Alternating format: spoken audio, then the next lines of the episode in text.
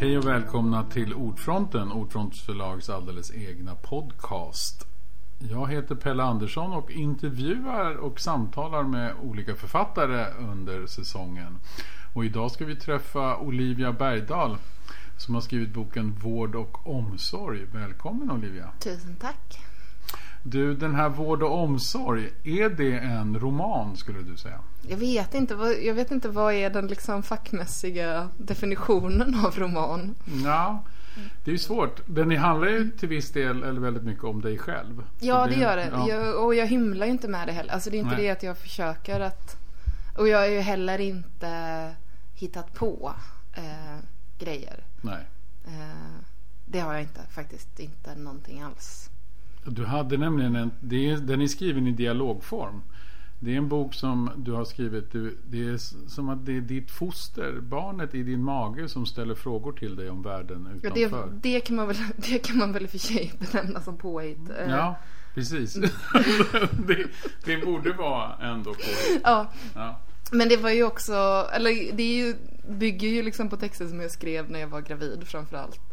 Eh, och eh, grejen är ju att eh, den här typen av dialog som det är skriven i är någonting som jag har skrivit alltså under lång tid fast för mig själv. Mm. Eh, och eh, lite bara för att det är bättre, alltså bara för att kunna tänka vidare på saker. Att jag har varit ganska förtjust i det att när jag själv försöker förstå någonting som pågår så har jag sk försökt skriva lite om det.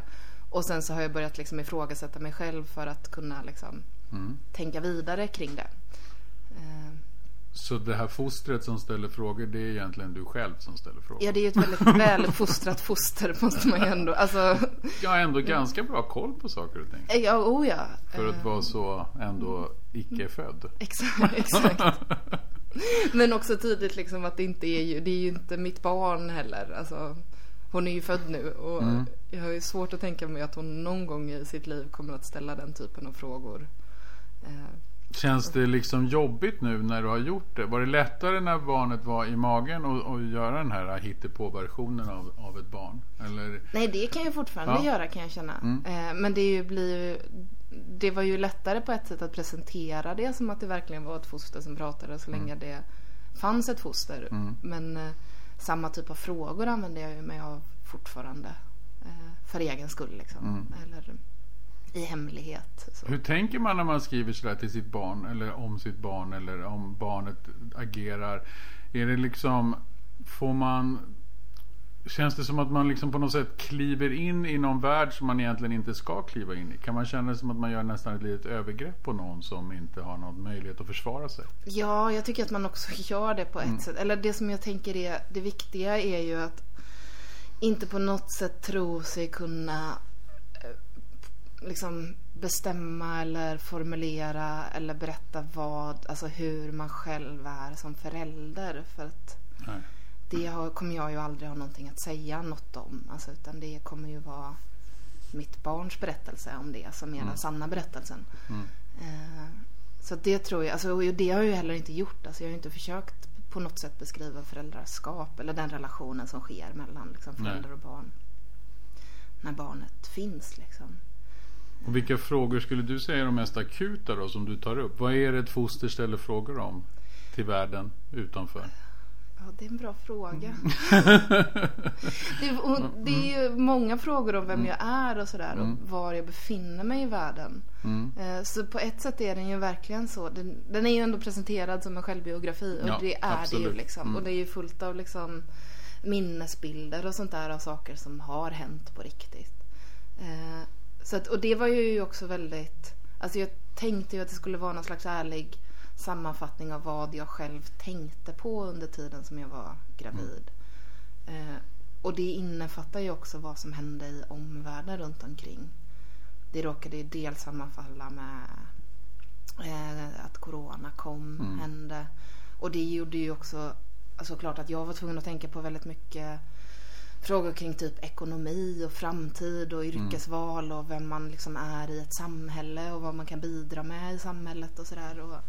Som författare, som... vad man bidrar med Exakt. när det är corona. Precis. Som någon sån jävla showare som står på scen. Eh, så det var ju mycket kring det. Mm. Och, Och också de liksom rent så här stora, alltså det finns ju också en öppning att faktiskt prata om de så här stora existentiella frågorna när man är liksom i relation till ett nytt liv. Mm. Alltså då får man ju, då finns ju också ett utrymme att faktiskt tänk, alltså ställa de frågorna till sig själv också. Att mm. bara, men vad är liv och vad är det att föda och vad, är, vad innebär det att liksom på något sätt lämna över någonting till nästa generation. Mm.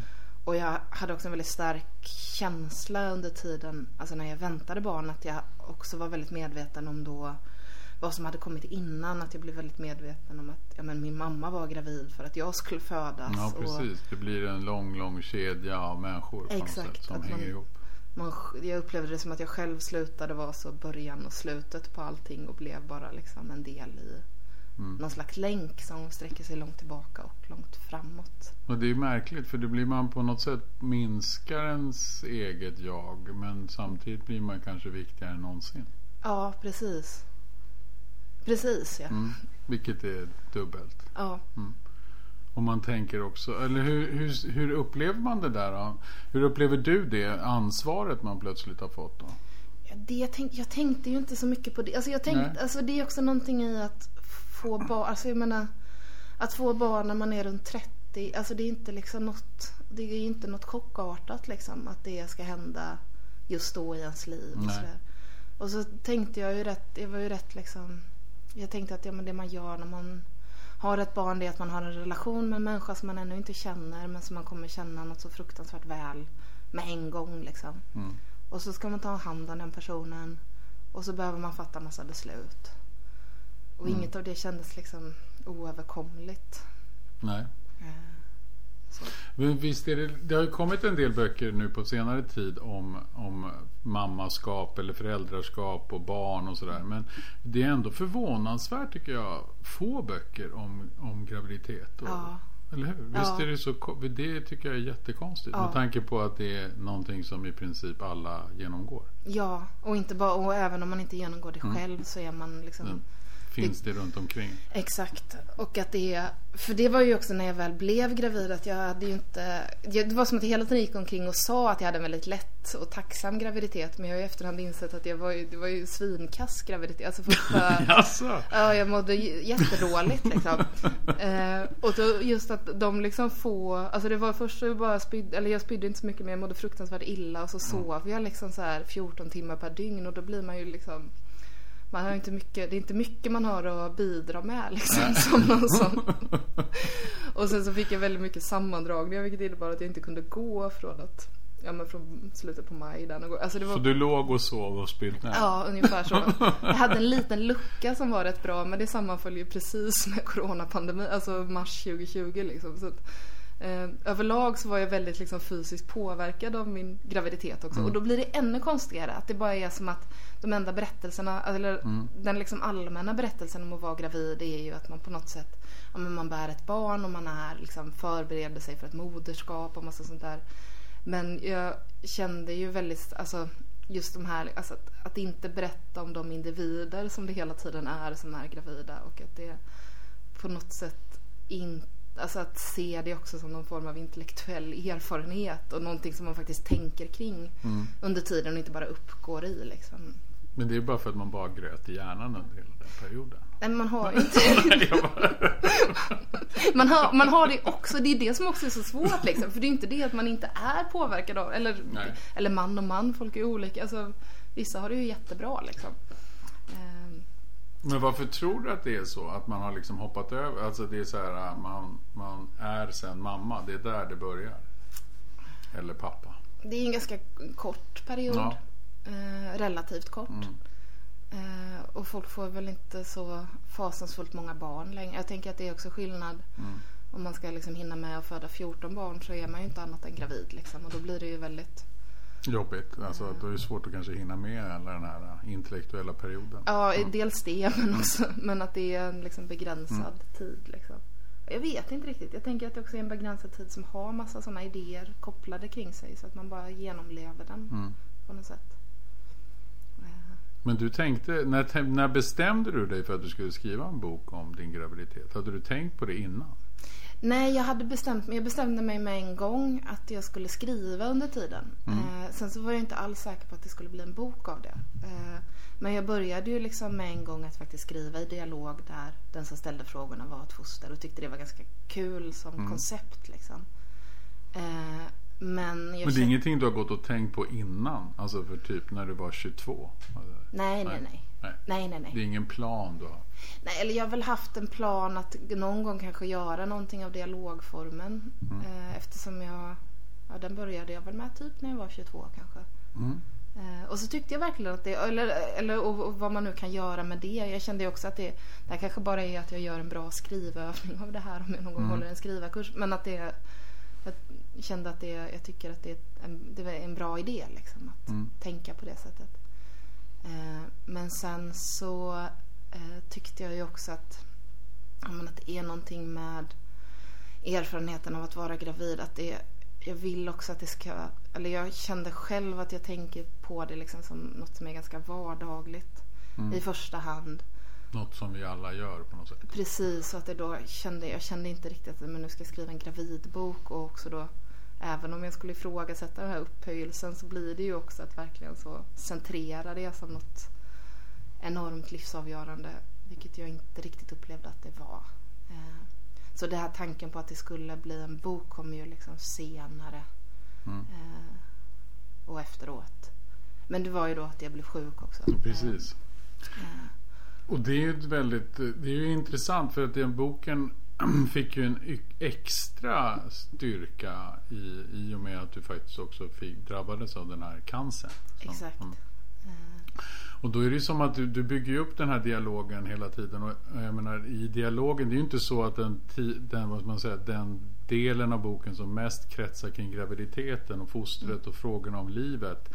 De är ju också tunga och stora men sen så är det som att det kommer ett ganska abrupt, nästan som ett, ett, Ja. ett yxhugg mitt Ja. i när det plötsligt står cancer på sidan. Ja, Och det kanske också är så att den blir extra tuff eller det är just det beskedet i den här boken för att det just är en graviditetsberättelse. Man Ja. tänker både på mamman och fostret. Då. ja men det blir en sån Dubbel. Ja, och just den här liksom bilden av att det är någonting som växer i kroppen och det är både ett barn och tumörer liksom Mm. samtidigt. Att det är någonting i det som är... Det ja, ja men det blir liksom... Ja, det blir en sån bild av något. Eh, Och det här liksom yxhugget, det hände ju mig också. Alltså det var ju Mm. precis så jag... Det var en riktig käftsmäll. Ja. Mm. eller den kom i två, den Mm. kom i två delar. Alltså först fick jag ju besked om att jag hade fått, och det var hudcancer. Eh, men att de hade opererat bort det och att det förmodligen inte var någon fara. Så då hade jag liksom en liten, En liten lucka. ja en liten ångestvecka hade jag väl när jag trodde att det var farligt. Och sen fick jag lugnande besked. Mm. Eh, och, och då är det också något, ja men just det där att, och det var ju under graviditeten så jag var ju också väldigt upptagen med jag såg det ju också väldigt mycket som en uppgift liksom att vara gravid. Att jag ska inte liksom på något sätt skada det här barnet. Nej. Eh, medvetet eller omedvetet. Och fick... Och vad menar du med det? Att leva så sunt som möjligt? Nej men att eller inte bara... äta mögelost Ja. liksom. Alltså, ja. Eller sådana där grejer. Alltså Ja. det, man har ju massa tydliga regler. Där man, vad man inte, jag hade skaffat Och hjälm. vilken fisk man får äta Exakt. och sånt. Och så skaffade jag cykelhjälm och sånt där. Mm. Ehm, Men då sa ju eh, och då var de var väldigt tidiga, de sa det väldigt tydligt med en gång när jag hade fått det här liksom första beskedet att det inte på något sätt påverkar Barnet fostret. eller fostret. Ja. Och då blev jag ju lugn liksom, för det var ju det som var den stora liksom, den första stora ångesten. Eh, och sen så sa de ju då att jag skulle operera efter förlossningen eh, för att jag behövde sövas ner för de skulle göra sån utvidgad. Och man kan inte söva ner när man har ett foster i magen. Man ska väl helst inte Nej. göra det. Alltså, jag tror man kan om man måste liksom. Men det här bedömdes inte vara så akut. Eh, och det var det inte heller så akut. Eh, tror jag. Eh, men, eh, men sen så fick jag ju då, så det visste jag, och då var jag väldigt nervös över det. Att jag skulle sövas ner och då skulle visste jag att jag skulle amma samtidigt. Alltså det var massa sånt. Men jag var ju liksom inte cancernervös utan jag var Nej. mer så operationsnervös. Och sen så fick jag ju reda på då efter, alltså när jag skulle operera så fick jag reda på att det hade spridit sig. Mm. Eh, och då hade jag ju, eh, och i och med att jag fick reda på det då, han var ju liksom tvungen, kirurgen var ju tvungen att säga det då för att han kunde känna det liksom. Eh, och då var de tvungna att göra en mycket större operation. Så att han var ju tvungen att säga det liksom. Eh, så att jag visste vad som skulle Mm. hända. Ja.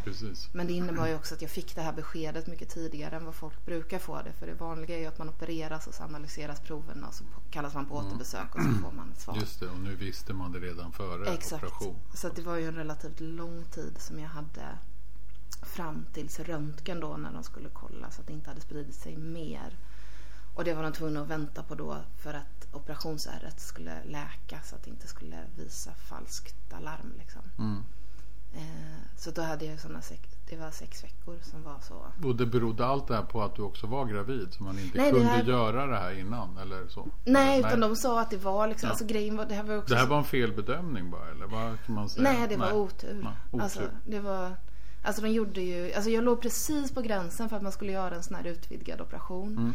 För de mäter liksom tjockleken på liksom originaltumören. Mm. Och då ligger gränsen på två millimeter för att man ska kolla lymfsystemet. Om det Små grejer ändå. Ja, väldigt små grejer. Väldigt- Relativt små grejer. Ja. Och jag låg liksom så, så att jag hade, det var liksom 2,0 millimeter. Så det var Mm. precis att de skulle kolla. Mm. Eh, och, eh, och då när de gör den liksom, utvidgade kollen då är det ju bara att de plockar portvaktskörteln heter Nu börjar jag prata om massa medicin Ja, här. men Men det, portvaktskörteln, det var Ja. intressant. ja. Ja. men för lymfsystemet funkar så att det finns de här portvaktskörtlarna som är liksom de som först tar emot när det kommer skit i kroppen. Mm.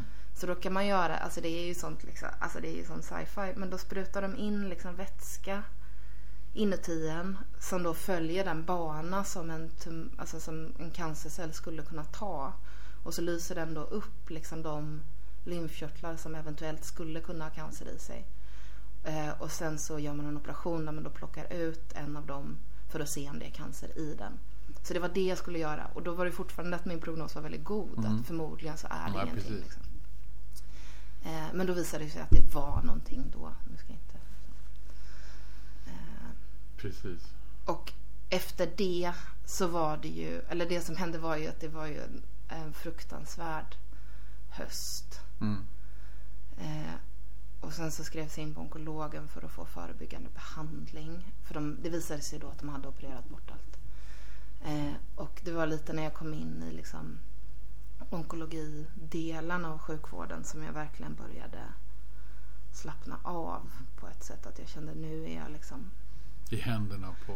Ja, och det där också att man vet plötsligt, alltså har man varit med om att en läkare har sagt att det här att det här ser inte bra ut så vet man ju precis hur det låter. Mm. Så när en läkare säger det här ser väldigt bra ut så är man bara så, ja då är det bra. Alltså jag tänker inte, inga följdfrågor på det här utan jag bara, jag befinner mig i detta Ja.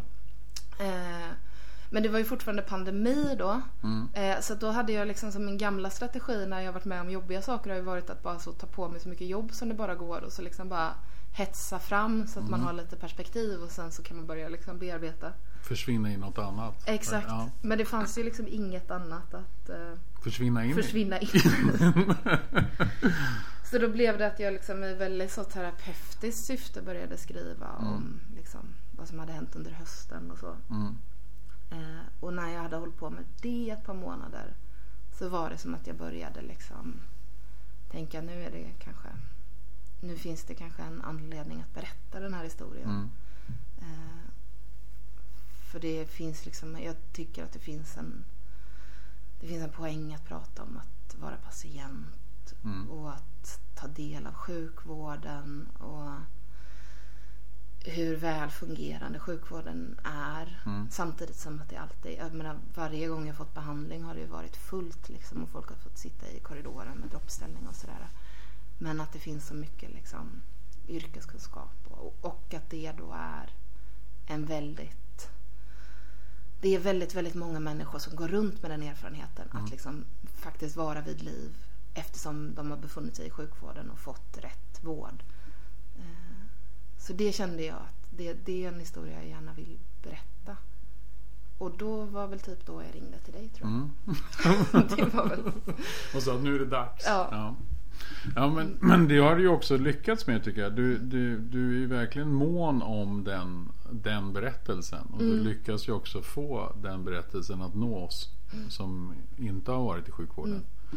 Men det är väl också en sån berättelse som ganska många nu också ger oss med jämna mellanrum. Just när man blir allvarligt sjuk. Eller Mm. alltså även faktiskt, även många klagar på förlossningsvården också att den inte alltid fungerar. Mm. Så när man väl är i förlossnings, när man väl kommer in oftast och när man har, eller om man då får en väldigt allvarlig sjukdom i Sverige. Mm. Så är sjukvården oftast väldigt, väldigt bra. Ja. Och då funkar det väldigt, väldigt bra. Det verkar ju vara mer det här när man är mindre sjuk som Exakt. vi har problem. Ja. Mm.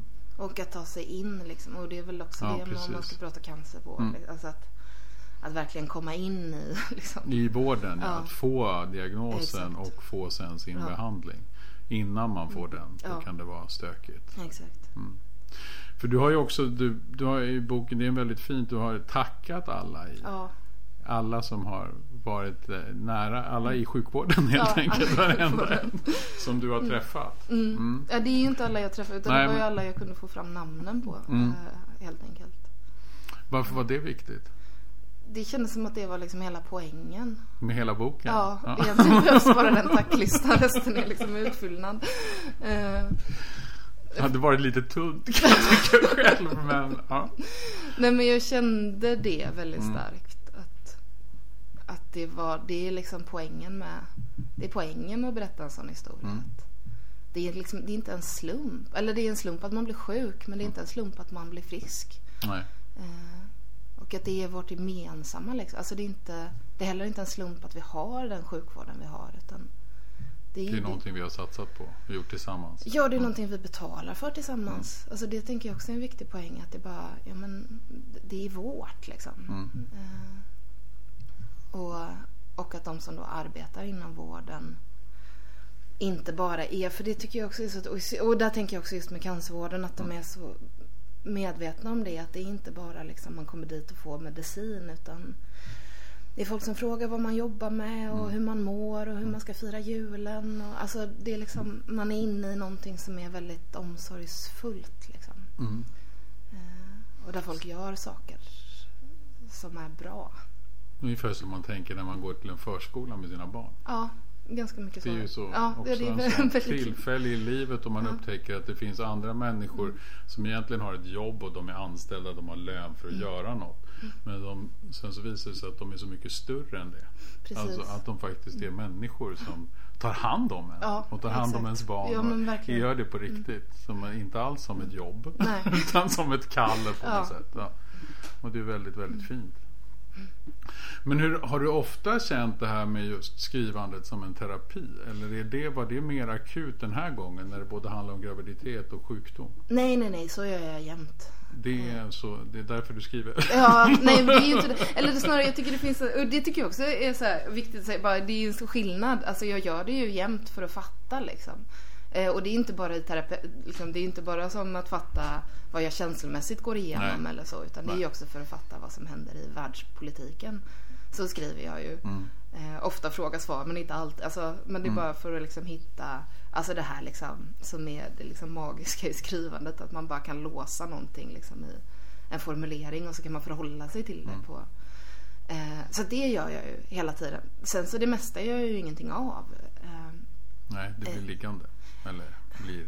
ja, sen så läser jag det själv ibland och sådär. Men just den här eh, Sen så tycker jag att det är en stor skillnad när man väl liksom, men nu ska jag göra en bok av det eller eller om jag ska skriva dikter av det. Att Då går jag ju från att det här, det här har en funktion för mig och det här behövde jag göra för att förstå någonting till att liksom plocka det som jag tycker mig ha lärt mig då av, av mig själv. Det är ju väldigt, väldigt ekokammare jag befinner mig i.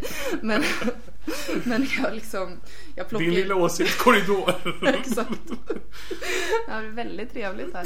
Eh, nej men när jag ni, men ni verkar ändå inte alltid vara överens. Nej, nej, nej, verkligen inte.